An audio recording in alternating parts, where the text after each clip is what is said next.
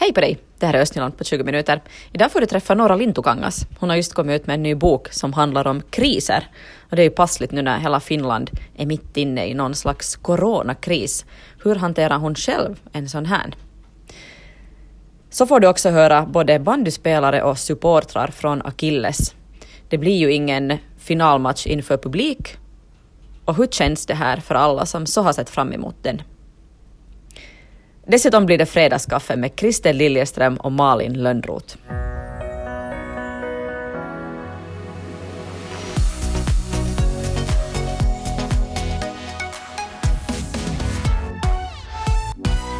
Igår meddelade regeringen att alla publikevenemang med över 500 deltagare borde avbokas fram till slutet av maj på grund av coronavirusläge. Och senare på kvällen beslöt bandyförbundet att ligans medaljmatcher spelas inför tomma läktare. Ingen publik alltså, bara spelare och, och funktionärer helt enkelt. Nå, med mig har jag Raul Karlqvist från Akilles bandy. God morgon. God morgon. Hur känns det här beslutet? Uh, det känns ju lite tråkigt, tråkigt faktiskt. Uh, för Akilles och alla människor som är på väg att, eller skulle vara på väg att titta på matchen att, att så här på sista, sista metrarna så, så kommer ett sådant beslut så det är ju dumt för, för föreningen och för alla anhängare och för spelarna också men spelarna har ju ännu en match att spela så de måste koncentrera, koncentrera sig på den ännu som spelas imorgon. Så. Mm, jag tänker, hur koncentrerar du dig som spelare på, på morgondagens guldmatch nu när det inte finns någon i publiken? Ja, no, ja, det är en ny, ny situation för mig också att jag hade spelat för en helt tom äh, läktare. Så det där, att vi har träning idag så det gör vi normalt och så får vi bara koncentrera oss imorgon som en vanlig match att, att vara där publik eller ej så spelar vi ändå för fulla muggar så att det har vi ännu en match kvar och den ska vi vinna så det, det är så som vi ska avsluta säsongen. Mm. Har du några hälsningar åt, åt fansen och åt alla de som hade tänkt gå på Akilles-matchen? Mm, no, synd att det inte blir av att det där att ni får titta på, på arenan då, på matchen och, och njuta av den vägen att man kan ju inte ändra vad beslutsfattarna gjort så det, det är ju så som vi kör på nu så tyvärr så här. Bra, Raul Karlqvist. Jag, jag tackar dig och sen säger jag god morgon åt Kristoffer Smeds från Krömperit som alltså är Killes stora uh, fan, vad ska man kalla det, hejaklack. Kristoffer, ehm, um, ni har under hela säsongen hurra och kämpa och varit på varenda match. Ni har byggt upp för morgondagens final. Hur känner du dig just nu? No, det, där, det är nog, känns, känns ju nog inte så hemskt, hemskt bra. Inte, att det här har man ju väntat på nu väntat på nu hela säsongen att få avsluta, avsluta med det där en hemmafinal och, och, och, och, och så går det då så här så det känns lite surt nog. Mm. Hur, ursäkta mig. Hur tänker ni göra imorgon då på matchdagen? Hör du, vi har nu inte ännu hunnit planera nu så hemskt mycket. Det var nu igår, ork, orkar man inte riktigt fundera. Man var så så besviken och, och, och, och ledsen att det, att det slutar så här. Så, men att det där, nu kommer vi att, kommer vi att nu ordna, ordna någon, någon show någonstans, att vi nu lite syns här kring, runt omkring Borgå i alla fall och, och visa vårt stöd åt, åt laget, fast vi kan vara, vara där på planen, men, men att något hittar vi nog på. Jag har förstått att ni redan hittar på någonting eh, för idag kväll, stämmer det? Ja, vi kommer att, att, att samlas samlas på plan där nu när de har, laget har sin sista träning inför morgondagens final och, och på det viset nu ge, visa, visa och ge vårt, vårt, vårt sista stöd åt dem och får vi, se, får vi nu se hur många vi blir men att en del i alla fall är nog på väg.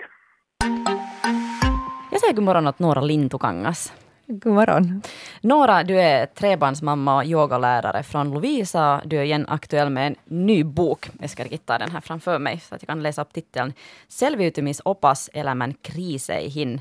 Alltså en överlevnadsguide för livets kriser. Och det är ju helt perfekt att ha dig här en dag som den här, när vi får höra om länder som stänger ner, stänger skolor och stänger liksom all verksamhet på grund av coronaviruset. Och, och i Finland så måste vi också begränsa Eh, begränsa oss själva jobba på distans om det går och undvika folksamlingar eh, där det finns mycket människor.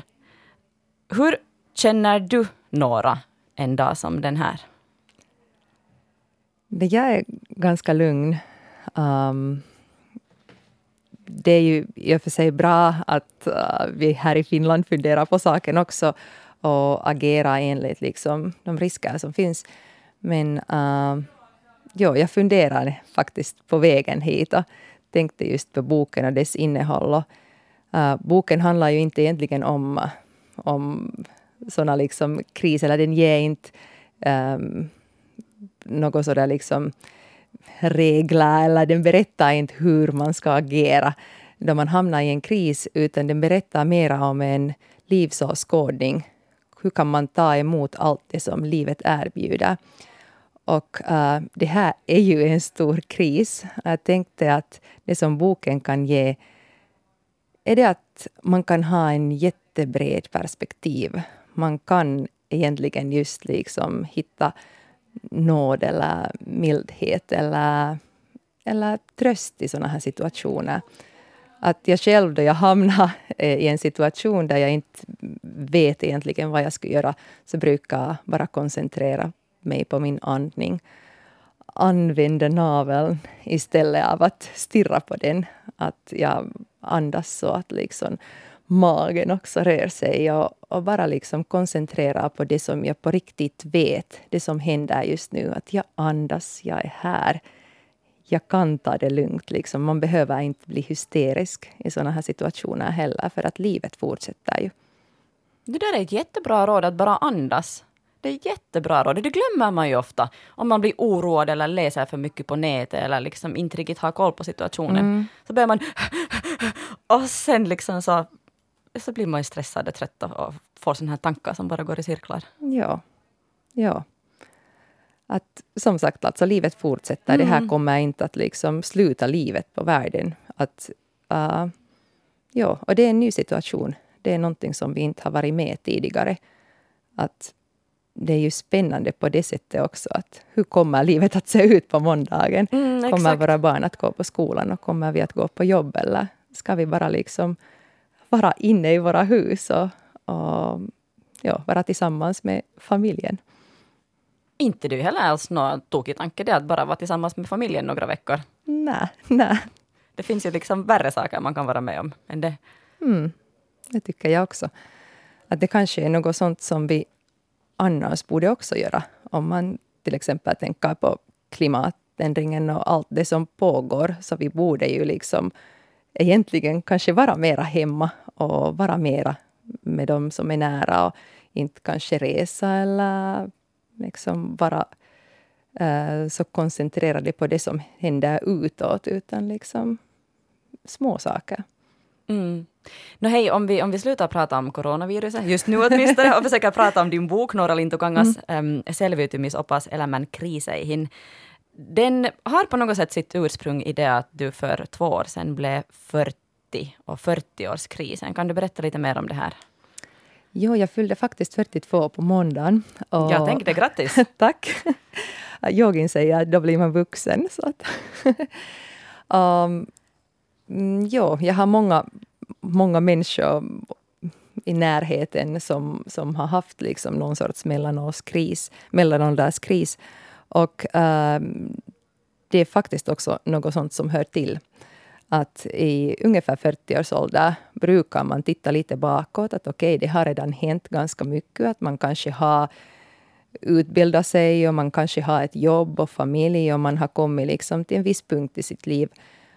Och uh, då man tittar framåt så kan det kännas så att okej, okay, var det här det som jag nu åstadkommit? Att uh, kommer jag nu att bara liksom upprepa det som jag har?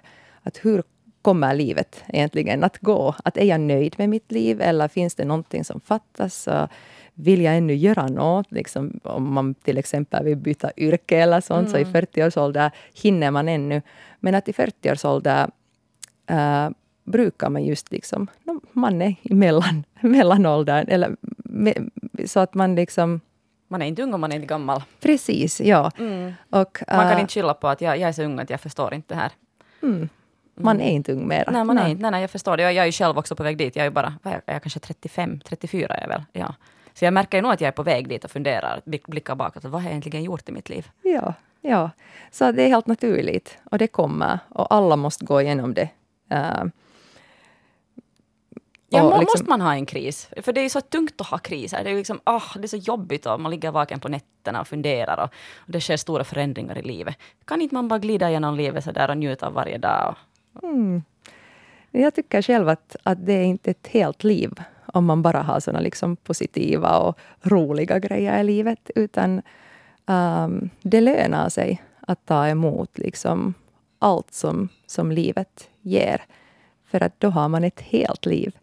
Och då kan man uppleva sådana saker, då kan man växa, då kan man lära sig. Då kan man bli mera medveten om det som pågår i ens liv, hur man reagerar och, och hur kan man helt enkelt bli lyckligare i livet. Nå, har du konkret något, något bra sista tips för våra lyssnare? Hur, hur, kan, hur kan vi alla som lyssnar bli lyckligare i våra liv? Norra Lintukangas. Det är en ganska stor fråga. Ja, men du är ju yogalärare och författare och du har ju skrivit boken om livskriser. Ja, ja. Du kan bra svara på den. Ja, man ska läsa boken kanske. Nej, alltså, uh, jag talar i boken om, uh, om det hur vi alla är egentligen elever i våra livsgångar och hur vi är här för att lära oss saker och ting. Och um, det finns vissa saker man ska helt enkelt lyda i livet. Att om man hittar uh, den sanningen som var och en av oss har i sitt hjärta, om man kan lyda den, så kan man bli lycklig. Och i boken finns det liksom tips och steg till hur man kan kanske nå det. Och äh, jag tycker själv att just det som nämndes här i början, att andas, att andas djupt, att komma ihåg att jag är här och jag har den möjligheten, jag kan välja att ta det lugnt och på riktigt äh, luta mot min egen ryggrad. Så det är något som kanske kan hjälpa i svåra situationer också. Just nu funderar Borgo, Sibbo och Lovisa på om man ska bli delägare i och ta i bruk ett patient och klientdatasystem som heter Apotti. Nå, kommunerna har en tajt tidtabell, för senast den 20 april ska det ha ingått ett avtal med Apotti om det är så att de vill vara med. Och igår meddelade Borgos koncernledning att man är emot att stan skulle gå med i Apotti, åtminstone i det här skedet.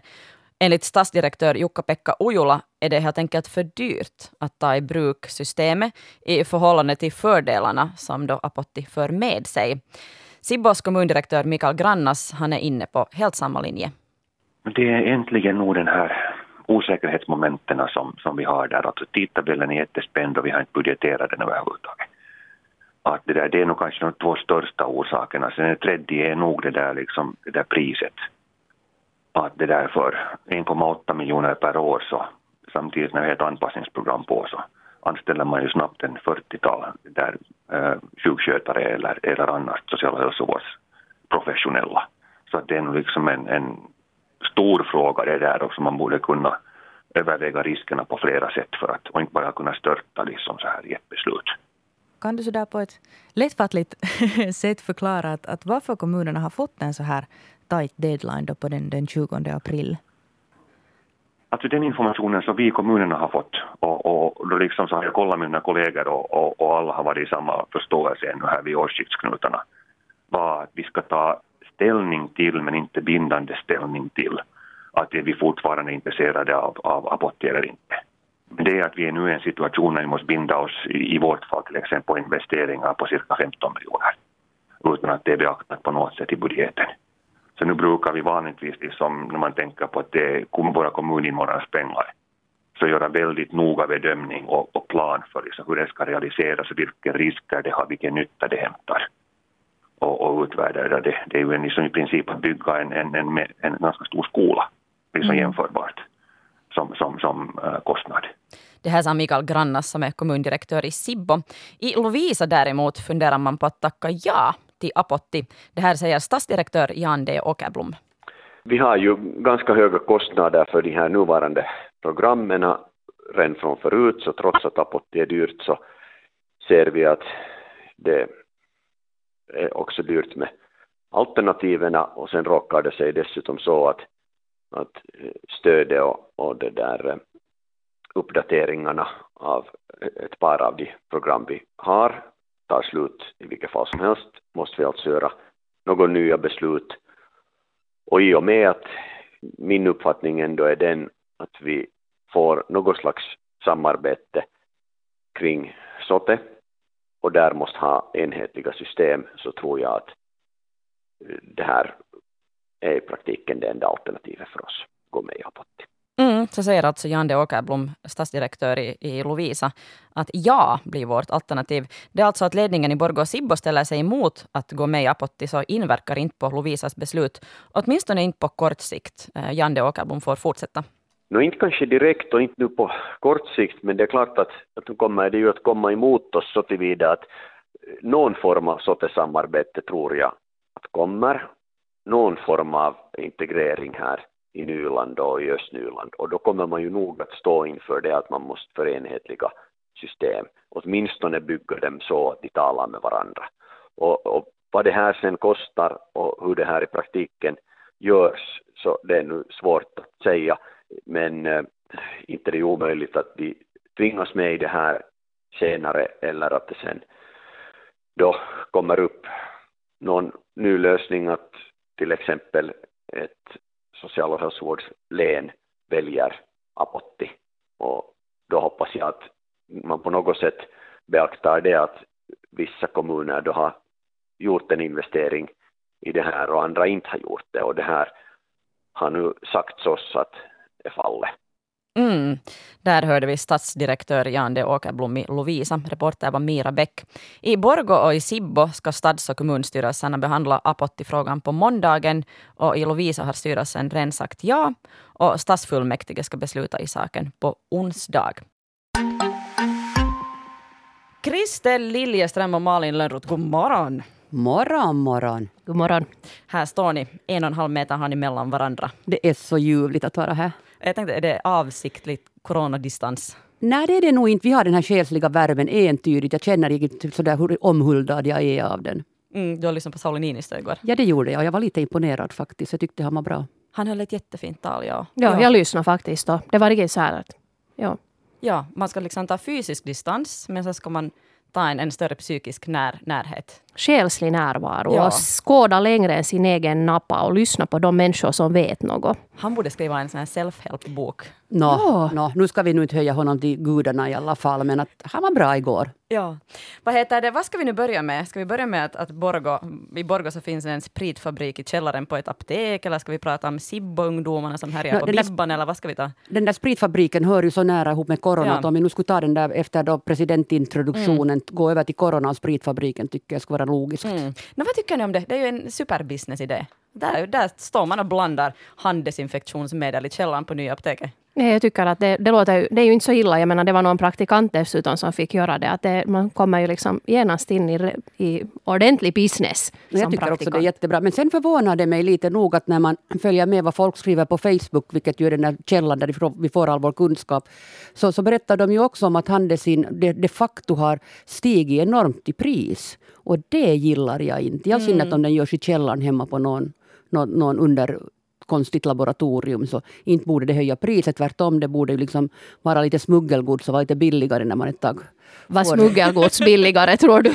det, det, var ju inte. Men jag ser så framför mig hur det snart blir en sån lång kö med, med människor i långa kappor utanför nya apoteket. Så kommer man in så skulle det finnas lite? Går folk ut med så bulliga rockar och ingen vågar visa hur mycket den har köpt. Jo, och sen liksom så undrar jag att, att lagar de lite sen starkare handdesi, för nu har det ju senaste forskning visat att det räcker ju inte nu med något. Det var ju som att Koskenkorva räcker ju Nej, inte. det räcker inte. 70, 60 eller 70 procent ska det vara. Att det ska inte vara något här blaj-blaj. Att jag har ju inhandlat för min lilla likör. Med, så, så det där. Jag brukar laga egen limoncello, så jag brukar köpa från Estland lite starkare. För att man ska få det utspätt och tillräckligt sött, den här likören.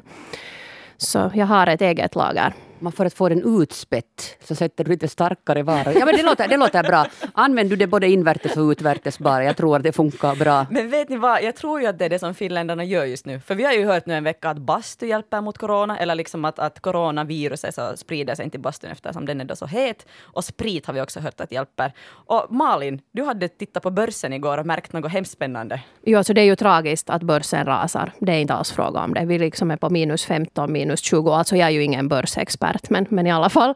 Men så var det ett sådant positivt tecken där att en som var mycket grön, en kurs, och det var Altias äh, aktie, som är på plus 6 när alla andra ligger på minus 20. Att jag tror att finländarna botar det här nu med, med sprit och bastu och vad är det ännu som saknas? Kära. Men varför blir inte tvåltillverkarna miljonärer? Då? Jag men menar, de har också blivit, alltså det har ju varit i tidningarna om någon sån här företag uppe i Österbotten som, som och det går jättebra för och de drar tre, treskiftsjobb för att få så mycket tvål som det går ut nu. Så. jag, jag skulle vilja ha någon sån här riktigt kiva handtvål som doftar gott och gör mina händer lena och allt det där. För att på jobbet så har de ju mest bara defi, desi och så har de såna vanliga burktvålar som, som torkar mm. mina händer och doftar inte något vidare gott. Så jag menar, här skulle finnas en nisch nu när, när vi äntligen lär oss att tvätta händerna. Fredagskaffe med Christer Liljeström och Malin Lönnroth och jag säger god morgon. Morgon, morgon. Igår så pratade vi lite i, i nyheterna om, om det här biblioteket i Nickby, där man har problem med ungdomarna. De är stökiga och bråkiga och svär och roddar och dricker energidrycker. Och så pratade vi också med, med era, Christer, era politiker. Och, och det kom olika förslag på vad man borde göra åt det här problemet. Bland annat så kom det förslag på att man borde skaffa en väktare till biblioteket. Alltså det är de här frågorna som jag ibland tycker att, att jag, skulle nu, vilja vara med, jag, skulle vilja, ja, jag skulle vilja vara med i politiken igen för att nu har man nu fallit långt borta från sin verklighet och sitt uppdrag om man, om man som ett visst partis representant tycker att väktare löser problematiken. Om ungdomarna slutar tidigt från skolan och måste vänta över en timme på bussen, det är klart att de samlas någonstans.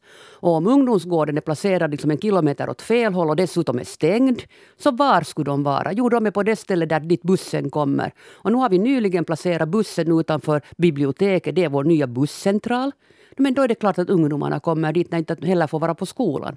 Nej, skärpe det är inte med väktare. Dagens ungdomar har alltid pratat, dagens ungdomar har alltid varit liksom i grupp när de rör sig.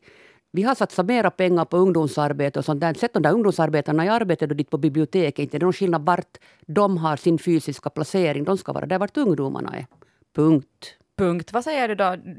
Kaj Lindqvist från ditt eget parti, så han föreslår att man skulle kunna hålla skolorna lite mer öppna och ha ungdomarna där. Vad säger du om det? No, det är ett bra idé. Ju mer vi rör oss i Norden och tittar så har de ju automatiska eh, elevrådsrum och de har kafeterier och de har eh, också på lägre klasserna så har de liksom eftis hela hela eftermiddagen tills föräldrarna kommer hem och ungarna kan fara hem. Och allt det här. Att skolor ska ju vara öppna för, just för ungdomarna och skolorna. Och nu när vi har byggt så många fina utrymmen i, i, i vår kommun så tycker jag nog att de borde kunna användas bättre än att, än att ungdomarna ska kastas ut från skolan när deras lektionstid är slut.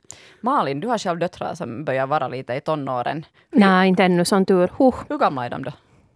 Uh, sju och tio. Sju och no, ja, tio år. Mm. Tio det börjar vara. No, ja. Har du liksom några tankar på hur du ska göra så att inte dina döttrar ska sitta och härja och spotta och svära på Borgå bibliotek i framtiden? Bra fråga, alltså det kommer nog från föräldrarna. Men att först vill jag säga amen åt Kristels mm. brandtal här. Just så här.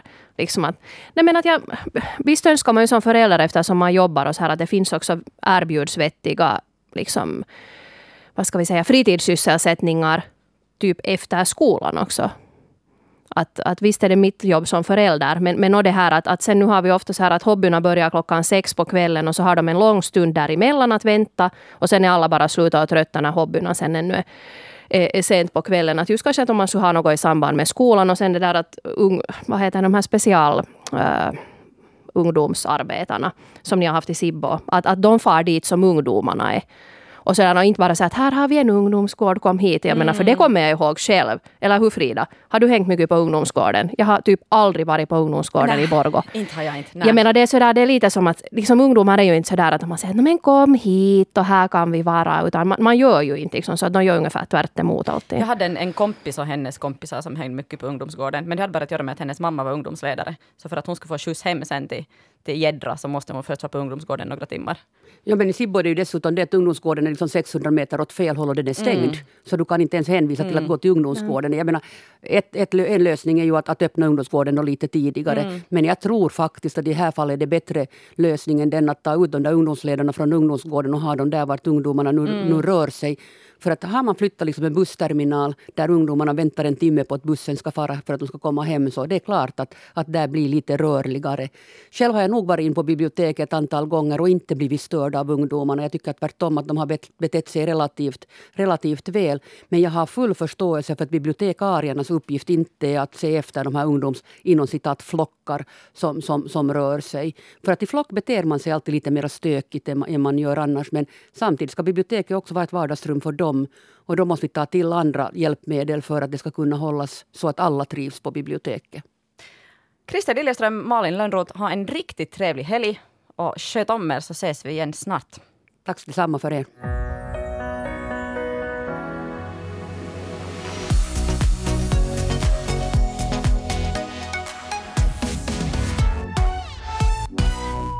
Mitt namn är Frida Frankenhäuser. Vill du ha koll på allt det som händer i Östnyland så är det bara att gå in på vår webbplats svenska.yle.fi östnyland.